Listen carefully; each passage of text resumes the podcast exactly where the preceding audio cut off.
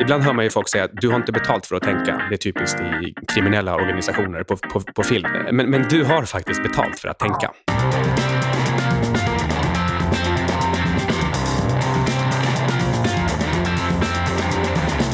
Välkommen till 25 minuter med Syding och Sundström producerat av tradevenue.se.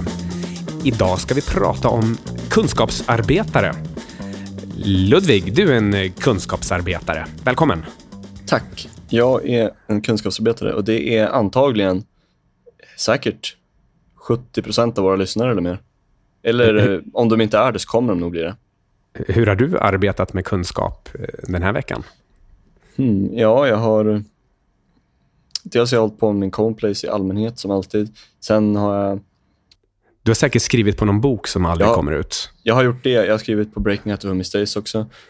Pågående projekt där, tar lång tid. Men jag har också gjort... Jag har testat saker i marknadsföring och det har inte gett någonting nu direkt. För ofta behöver man testa mycket innan man kan hitta en vinnare, så, så att säga. Men att, att testa och känna att okej, okay, nu vet jag ännu ett sätt som inte funkar. Det, det är faktiskt viktigt och det är värdefull kunskap i sig att veta vad som inte funkar ofta. Det är dessutom en viktig poäng att man kan inte mäta kvaliteten på arbetet utifrån bara enstaka resultat. Ja, exakt. Jag har ju visserligen kanske inte tjänat några pengar den här veckan eller heller eh, varit särskilt nöjd med hur det gått, men på en månad eller två, vem vet, det kanske visar sig att det här är jätteviktigt. Mm. Och eh, Har du gjort någonting kul också? Eh, ja, jag har... Har jag gjort egentligen? Jag har mest jobbat hårt. Jag ja, fan, vad har jag gjort? Jag, jag vet inte riktigt. Nej, det är väl eh, det är kanske ett bra tecken på att du, eh, du har vettiga saker för dig. Jag, jag, har, eh, jag har haft kul. Ehm, efter en, efter en bättre lunch i solen så gick jag spontant till Clarion Signs takpool. Och ja, drack lite champagne, badade, solade och blev bekant med tre trevliga tjejer. Bland annat en tjej som heter Julia Um, så egentligen så berättar jag det här dels för att det är kul och dels för att jag lovade att hälsa till henne i podcasten. Jäklar, lyx-Julia. Ja, får se om Julia och hennes eh, två tjejkompisar eh, lyssnar på det här. Det är inte riktigt deras naturliga forum, kan vi säga. Um, mm. Det, var, det var jättetrevligt. Det är jättekul. Så att, eh, ja. Nice. Och, ja. Det var det. Eh, och nu ska vi alltså prata om eh, kunskapsarbetare. Just det, i morse träffade jag en kunskapsarbetare. En, en kompis som är eh, matematiker, fysiker eh, och jobbar som kvant på en eh, nystartad eh, hedgefond. Okay. En hedgefond som för övrigt har en helt makalös modell mot eh, kunderna. De, de lovar 8% kumulativ avkastning med alltså evigt high watermark, det vill säga man får 8% varje år. Eh, och I annat fall så tar de inga avgifter. Alltså ingen fix avgift, inga, inga rörliga avgifter, ingenting. Och i den här nollräntemiljön, att få 8% varje år och, och, och, funkar det inte så får inte de här stackars kunskapsarbetarna någonting. Det är en... Eh, ja, det, det, är oerhört, tror jag, i Europa. Finns det något annat företag som kört med det där? som modell? Nej, jag tror inte det. Åtminstone inte i den här typen av miljö. För, eh, för 20 år sedan, då kunde man förstås få 8 procent. Men, men, eh, men nu i en eh, nollräntemiljö. Så, äh, det, här, det är faktiskt helt fantastiskt. Det ska bli jättekul att se hur det går. De är upp 14 procent i, i år redan, när det här spelas in. Um, Coolt. Ja, och det, och det här anses vara ett ganska svårt år. Ja, men det här är ju annars, som en sidopoäng, det här är ju ett tips som vi kommer ge sen också, att det är ett bra sätt att stå ut på. Nu har inte jag någon koll, jag har inte specifik koll på branschen, men bara metatänket, liksom, att de står ut för att de har en unik modell, så man kommer ihåg dem. Mm. De har till och med fått eh, lite kritik för att de står ut för mycket. Kunde det inte, kunde det inte räckt med 4% eller 6 ja. ni, ni lovar för mycket. Ja, det, det ska bli spännande att, att se i alla fall. Um, vad, vad, vi ska prata om idag det är nio budord för framgång, kan vi säga, som alla kunskapsarbetare bör fundera på. Det är nämligen inte alls naturligt för, för oss människor att, att fundera på det här med, med kunskapsarbete. Det är en, det är en eh, eh evolutionary mismatch, kan man säga. Så eh, vi vill poängtera att det, är, att det är viktigt att man ett, definierar sig själv som kunskapsarbetare och eh, två, eh, ständigt tänker på, på vad det innebär. Att det innebär att du, du jobbar med att manipulera information. Du jobbar med att ta fram kunskap.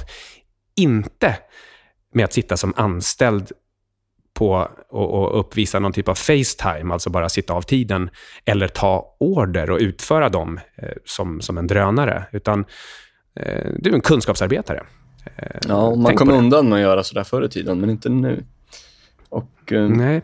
Ja, det är... Man har, du har betalt för att tänka. Ibland hör man ju folk säga att du har inte betalt för att tänka. Det är typiskt i kriminella organisationer på, på, på film. Eh, men, men du har faktiskt betalt för att tänka. Ja. Paid to Think, som en eh, bok av en viss business coach som heter Jay Abraham heter. Den boken mm det är inte specifikt en bok som jag rekommenderar, men den har en klockren titel och den är ju verkligen inriktad till knowledge workers.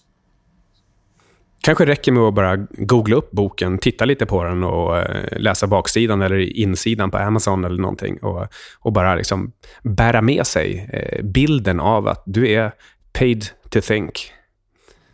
En till sak som är värd att påpeka innan vi drar de här nio, tio budorden, det är att mm. om vi låter lite narcissistiska eller ehm, eh, egenkära, som att det här är enkla grejer och att vi, vi är så bra på det här, då, då ska du tänka igen. För att det är inte så enkla grejer där. Så om vi får det att låta enkelt, då är det vårt fel. Det här är ganska svåra saker. Mm, vi är verkligen de första att erkänna att eh, vi har inte svaren. Däremot så, så kanske vi i alla fall har insett att det här är viktig materia. Det är någonting att, att tänka på just för att det inte är naturligt. Värt lite space repetition som vi snackade om förut. Mm. Um, kunskapsarbetare, de jobbar med kunskap.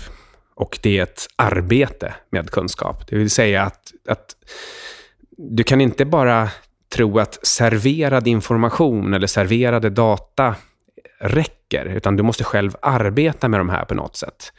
Vi, ehm, vi pratade innan programmet om eh, till exempel fenomenet med investerarbrev. Det finns gratis investerarbrev. Det finns investerarbrev som man måste betala för att få tillgång till.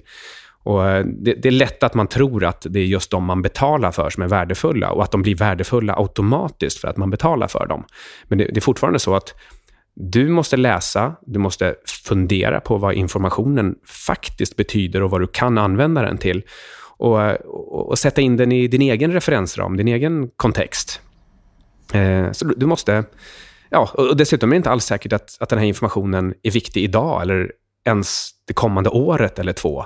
Men ett investerarbrev kan fortfarande vara, verkligen vara värt någonting kumulativt om du så bara gör en bra affär som bygger på information som du har lagt sten på sten över, över flera år, bland annat med hjälp av det här brevet. Det är att arbeta med kunskap. Ja, som, som en eh, liten påbyggning på det där kan man säga att det är, det är väldigt enkelt och väldigt många personer har en tendens att tänka att bara för att de får information så är den inte värd lika mycket som om de betalar för den. Och Det är en psykologisk grej där, commitment bias. Att, eh, ja, det säger sig självt. Men eh, information, bara för att du får den, det kan ligga jättemycket jobb bakom den. Och, och information som är organiserad kan vara väldigt värdefull. Det är en slags tillgång. Tänk, tänk på information som är organiserad korrekt som en tillgång. Ett exempel är så här, om du har, om du har något ganska avancerat begrepp eller idé, då kan det vara värt mycket att veta typ, okej, okay, den här idén går att använda på tio olika sätt. Eller den här trenden finns i de här olika branscherna. Det är värt mycket mer än att du får veta att den här trenden finns. För det är så mycket mer abstrakt. Mm jag läser ganska många investerarbrev, bland annat eh, Vitalij Katzenelsons, jag läser Hussmans eh, veckouppdatering, jag läser Howard Marks, eh, när de kommer eh, ungefär, eh, om det är en gång i månaden eller kvartalet. Eh, alla de här är, är gratis, men det ligger också oerhört mycket tanke och arbete och inte minst erfarenhet bakom. Och, och till exempel Hussmans brev, det, det, där finns det åtminstone två nyanser. Det ena det är att hans haters tycker att ja, han, han tjänar ju inga pengar. Och jag menar att det spelar väl ingen roll. Titta på informationen och fundera på vad du får ut av den istället. Precis, och det är så um, många personer som inte kan göra det där. Det måste, mm, de måste träna och, sig. Ja, och jag får ofta se eh, sura tweets som säger “Varför lyssnar man ens på Hassman?” Det är inte det det handlar om. Eh, och två, ja, det, är, det är gratis. Så det blir så himla lätt att inte ens läsa det. Oh, det kommer en gång i veckan och det står samma sak. Eh, men det är fortfarande så. Ja, vet du vad som står där? Har du, har du verkligen förstått vad Hassman skriver? Det är ganska komplicerat. Ehm, och, och, som sagt, ligger väldigt mycket erfarenhet och information bakom. Så eh, ja, det, det, kräver en del arbete. Jag, jag testade en gång på, på bloggen att bara ta ett enda stycke från ett sånt här veckobrev och gick igenom vad det faktiskt stod och översatte till svenska. Och det blev, det blev ju flera sidor material för att bara förklara den här oerhört kondenserade informationen som fanns där. Ja, det är tid sparad som man inte märker om man inte gör arbetet själv. Och då uppskattar man det.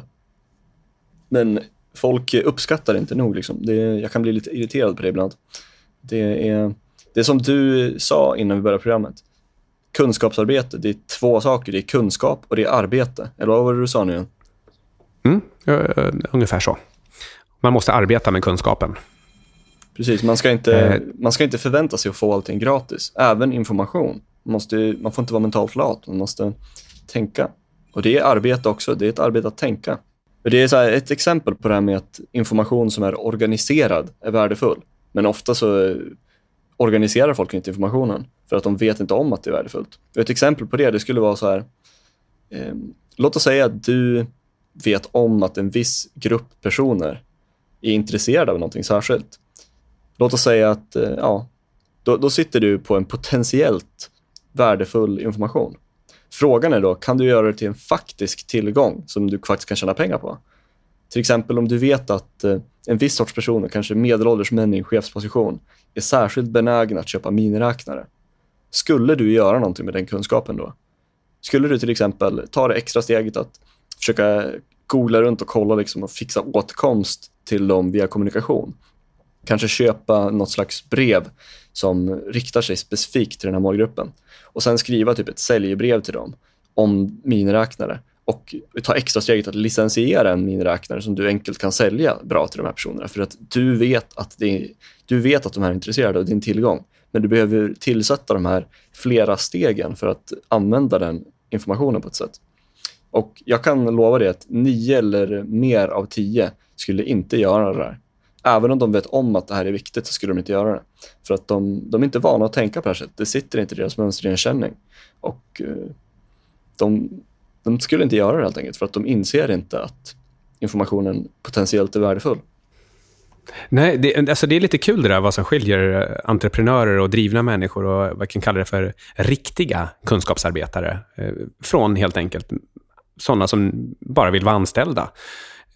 Du kommer på att plastklockor med, med sköna färger, de här Triva-klockorna som var, var eh, på modet för några år sedan, enkla att tillverka och bara beställa från, från Kina i princip, så, eh, eh så har du skapat en, en modepryl i klockvärlden.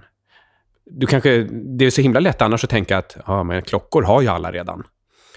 Ja, och sen kommer Daniel Wellington och eh, på pappret, fast i smyg, blir en av Sveriges rikaste människor på att sälja helt enkelt klockor som man kan ju tro att marknaden är redan överetablerad, men, men då hittar han en nisch och ett sätt att, att sälja de här på. Ja. Um, det, det, handlar om att, att inte bara stå på krogen och säga, vet du vad man, alltså man borde ju skapa ett Facebook för hundar. Utan då börja, börja programmera då. Lägg ut programmeringen på någon som kan programmera om inte du kan det. Men den där idén du får där du känner att här finns ju en, här finns ju en lucka, det saknas ju någonting. Då är, det bara, då är bara springa i den luckan. Istället för att ja, men jag ska gå klart min ekonomiutbildning först och sen tänkte jag ta ett ekonomiassistentjobb någonstans i något stort företag. Det, det leder ingen vart. Ja, och det, det är också det här med att det krävs ofta många felaktiga idéer eller helt enkelt många olika tillvägagångssätt på en idé som man har innan den funkar. Det krävs så att säga lite grit, lite att man fortsätter trots att det går fel och tänker som jag sa innan att okej, okay, jag tror fortfarande på den här idén men jag hade fel approach här. Jag får testa ett nytt sätt. Men jag är närmare lösningen nu för att jag vet att nu vet jag hur man inte ska göra. Mm. Det finns en investerare som heter Mark eh, Spitznagel som pratar om DAO of Capital. Och Det bygger på idén att varje förlust är helt enkelt en lärdom som tar en till desto större vinster. Ja, det, det är ju vår, vårt budord nummer två här. Inse att belöningar kommer som klumpsummor på svårförutsedda tidpunkter. Ibland kan man tjäna mycket pengar, men ofta så tjänar man inga pengar alls under en längre tid för att man håller på att experimentera eller håller på att förfina någonting. Så eh, det krävs ofta kontinuerligt experimenterande med någonting innan man lyckas. Det är väldigt sällan någonting lyckas på första försöket, även om media får det att framstå så. Och eh, som investerare eller trader får du ta en del förluster, men sen plötsligt hittar du en fin öppning. Eller som uppfinnare, typ så här, eh, exemplet med Edison, att han försökte tusen gånger, sen lyckades han med glödlampan. Liksom. Det kanske är lite, vem vet hur sant det är, men moral, sensmoralen är densamma. Man måste ha lite staying power, så att säga, och tro på sin idé och fortsätta.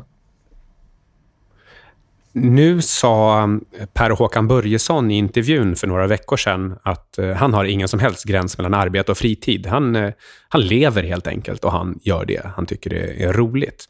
Nu är det inte, det är inte riktigt så enkelt för alla att hamna i den situationen. Och, och, eh, både du och jag tycker att man bör ha någon typ av gräns mellan arbete och fritid. När det är man ändå anstränger sig lite extra för att bygga på verktyg och, och investera i sin plattform. Och när man faktiskt ja, eh, kanske kopplar av och visserligen möjligen investerar i sin eh, kompiskrets eller sina relationer, men, men ändå på något sätt skiljer på arbete och fritid. Och eh, Både du och jag håller ju på med meditation i olika grad och, och mindfulness. Alltså mindfulness är ett modeord som jag egentligen tycker illa om, men, men som innebär att man fokuserar och verkligen upplever till fullo med sinnena saker och ting som nästan som om de är helt nya. Ja, men det här med Per Hård, att han, eh, det är ingen gräns för honom. Det, det är nog sant, liksom, men man ska tänka då att han har, det är många års kondenserad erfarenhet, mycket jobb och eh, mycket tänkande som ligger bakom det. Om man är ung så måste man ha det här, liksom, man måste tänka att någon form av gräns mellan arbete och fritid vill man ha. Så att man ska inte, man ska inte förvänta sig att det, det kommer uppkomma naturligt om man inte gör något åt det. I början så är ju trots allt, även om man väljer någonting man är intresserad av och som är ganska kul, så, så är ju ofta arbete slitsamt. Det, det, det bryter ner en på något sätt, även om det är uppbyggligt i, i längden. Och Då behöver man någon typ av, av avkoppling där hjärnan får slappna av och, och eh, konsolidera och, och eh, eh ja, sätta fast allt det som man har tagit in. Exakt, liksom synthesis. Det, om man är en ganska ambitiös person, det är, det är vanligt att man jobbar för hårt, att man jobbar sönder sig själv. Bränner ut sig bränner ut sina dopaminreceptorer. En eh, lite besläktad idé här. Eh, nu, nu eh, har vi kommit till punkt fem. Det är att, eh, att träna på att vara, vara kreativ. Eh, det finns en, en bloggare som heter Altucher som eh, pratar om idésex. Eh, det är ett sätt att öva på att skapa många olika idéer. De behöver inte vara bra på något sätt. Alltså, egentligen kan du bara kalla det för brainstorma, men han har eh, en, en, ett slags mönster för sin brainstorming som är ja, ändå lite, eh, lite inspirerande. Det, det Plus att det är lite på. mer minnesvärt att kalla det för idésex. Ja, det är väl hans bästa uppfinning, just det. Just det att, man, att man kommer ihåg det jämfört med brainstorma. Låter, det är lite gammalt. Det pratade vi om redan när jag gick på, på högstadiet. Mm. Vilket var på 80-talet. Ja. ja, men det där, det där är sjukt viktigt. att vi, vi har ingen formell träning i samhället för hur man blir mer kreativ eller mer systematisk. Och uh, man måste träna upp sig på att tänka bättre, fatta bättre beslut, bli mer systematisk och vara mer kreativ. För att uh, det kommer, vissa personer har det kanske naturligt, men för de, de flesta så kommer det inte naturligt. Och uh, man får tänka på det som en, en sak att träna på över lång sikt. Det är väldigt lätt att bara fastna i en lunk annars. Man bara gör samma saker varje dag. Och, och när man får en idé så tycker man att ja, den här idén var väl okej. Okay. Och så kör man på den bara. Ja, en, en bra guideline, eller vad man ska säga, för det här, det är, som är lite ambitiös, men man vet att man gör saker rätt om man har det så här. Och det är att om du har byggt upp ditt liv, eller är på väg att bygga upp ditt liv, så att du kan skyffla om ditt schema på när, när det passar dig helt enkelt. Då du känner dig kreativ och inspirerad och arbeta med det som du känner dig kreativ och inspirerad av, då, då är du på rätt väg. Och det är, för det är oftast då du kan få dina mest värdefulla idéer. Och även om du missar någonting i schemat där, så kan det ofta betala för sig flera gånger om, om du har en riktigt bra idé där. Och de här idéerna, nu är du ju kunskapsarbetare, du måste ju få ut de här idéerna, använda dem på något sätt eller kommunicera dem till någon. Och då eh, får du helt enkelt eh, jobba lite grann på att hitta det kommunikationsmedel som du trivs bäst med och som funkar bäst för dig. Och så, som vi har sagt ända sedan första avsnittet, stärk stärken. Det vill säga, det som är ditt bästa kommunikationsmedel. Jobba på det och se till att det blir riktigt, eh, riktigt starkt. Ja, det är punkt nummer sex här och det är också veckans tips. Så till exempel, om du är bra på att tala, jobba med en podcast till exempel. Eller skriva, starta en blogg. Eller om du är på film. Om du, är bra, om du blir bra på film. Liksom. Du är karismatisk eller ser bra ut. Vad sägs om en YouTube-kanal? Och eh, lite grann på motsvarande sätt, kanske även om du är anställd och vill få fram dina idéer, så, så hitta den kanal där, du, där dina styrkor kan användas för att övertyga den chef som behövs övertygas. Ja, var inte rädd att experimentera för att träna, liksom, så att du blir bra på det. Och sen har jag en liten, liten här, jag vet inte, metaobservation eller, nej det är det kanske inte. Det är en, en fånig syding kan vi kalla det för. Och det är att ibland så kan man se kända och framgångsrika människor som har uppenbara svagheter. De kan vara korta eller fula eller sjukligt tjocka eller liksom, eh, de har någonting där man eh, instinktivt tycker att men det här, om jag hade det där, då skulle jag vara totalt handikappad. Jag skulle inte ha en chans att ta mig fram. Och sen är de ändå framgångsrika. Då kan du studera de människorna och se hur tog de sig över de här hindren. Mm, bra tips faktiskt. Churchill är ett bra exempel. Han hade otroligt dåligt eh, minne. Så vad han gjorde var att, trots att han är känd för att hålla bra tal, så hade han, han kunde aldrig, han kunde typ aldrig minnas sina tal. Han var tvungen att hålla på och skriva upp allt han skulle säga. Han hade noll spontanitet alls, utan allt han sa skrev han upp i förväg och alltså memorerade lika hårt som typ en professionell atlet tränar inför en tävling om, man, om det enda man vet om Churchill är några citat och att han var premiärminister, då eh, är mitt tips att eh, bara läsa en snabb sammanfattning av hans liv. För han, eh, alltså dels var han ju alkoholist och dels så hade han redan en misslyckad politisk karriär bakom sig innan han sen kom tillbaka och, och blev en av 1900-talets mest eh, minnesvärda personer. Och annars så skulle han bara varit ja, helt bortglömd. Okej, okay, vi har egentligen vi har tre punkter kvar här. Eh, en är att eh, skapa någon typ av passiv inkomst, en, en, en stabil inkomstkälla. Eh, det här, eh, vad, vad, vad, vi är ute efter är att du, ska, du måste skala upp din inkomst på det här kunskapsarbetet. Du måste hela tiden jobba på att eh, ja, någon, någon, nå större och större omfång, större och större intäkter. Dels för att om du inte gör det så riskerar du att bli bortautomatiserad förr eller senare i alla fall. Eh, och dels helt enkelt för att det är, det är trevligt. Ja, jag skulle vilja påpeka att det här med passiv inkomst, det är lite av ett eh, buzzword. Men, och det, det, är lätt, alltså det förekommer så ofta nu för tiden att det är lätt hänt att tänka att det är lätt att få en passiv inkomst. Men det är fan svårt alltså. Och det är inte realistiskt för de flesta personer i en tidig ålder. Utan det kräver väldigt mycket jobb eller väldigt mycket specialistkunskap för att åstadkomma en passiv inkomstkälla. Och eh, det är mer sannolikt för de flesta att hitta ett sidojobb som kräver väldigt lite tid men ändå ger ganska mycket inkomst i förhållande till hur lite tid man lägger på det. Det är mer realistiskt att börja så. Vid nollränta så finns det nästan ingenting som, som är passiv inkomst heller. Du kan inte köpa en obligation eller hitta någon investering som faktiskt ger en, en, en tillräckligt säker passiv inkomst. Vid nollränta så, så är det egentligen ingen ekonomiskt oberoende. Mm. Sen stämmer ju inte det förstås. Man har ett kapital som man kan beta av och det är, det är egentligen så jag jobbar.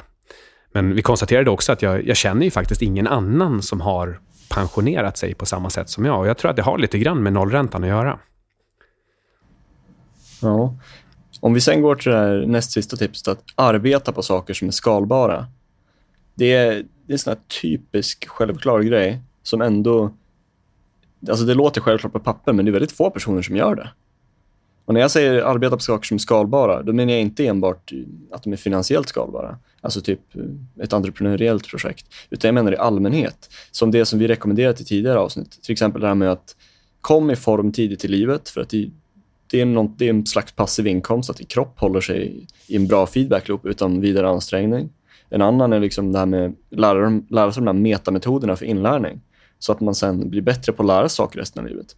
En till sak det är det här som jag sa med mitt framework of learning. behöver inte kopiera mitt, men man kan bygga sitt eget för att sen memorera saker bättre resten av livet. Och sen eh, att ha en common place, det är också en sån här grej. Det finns många sätt att tänka på skalbara saker. Det är mindset.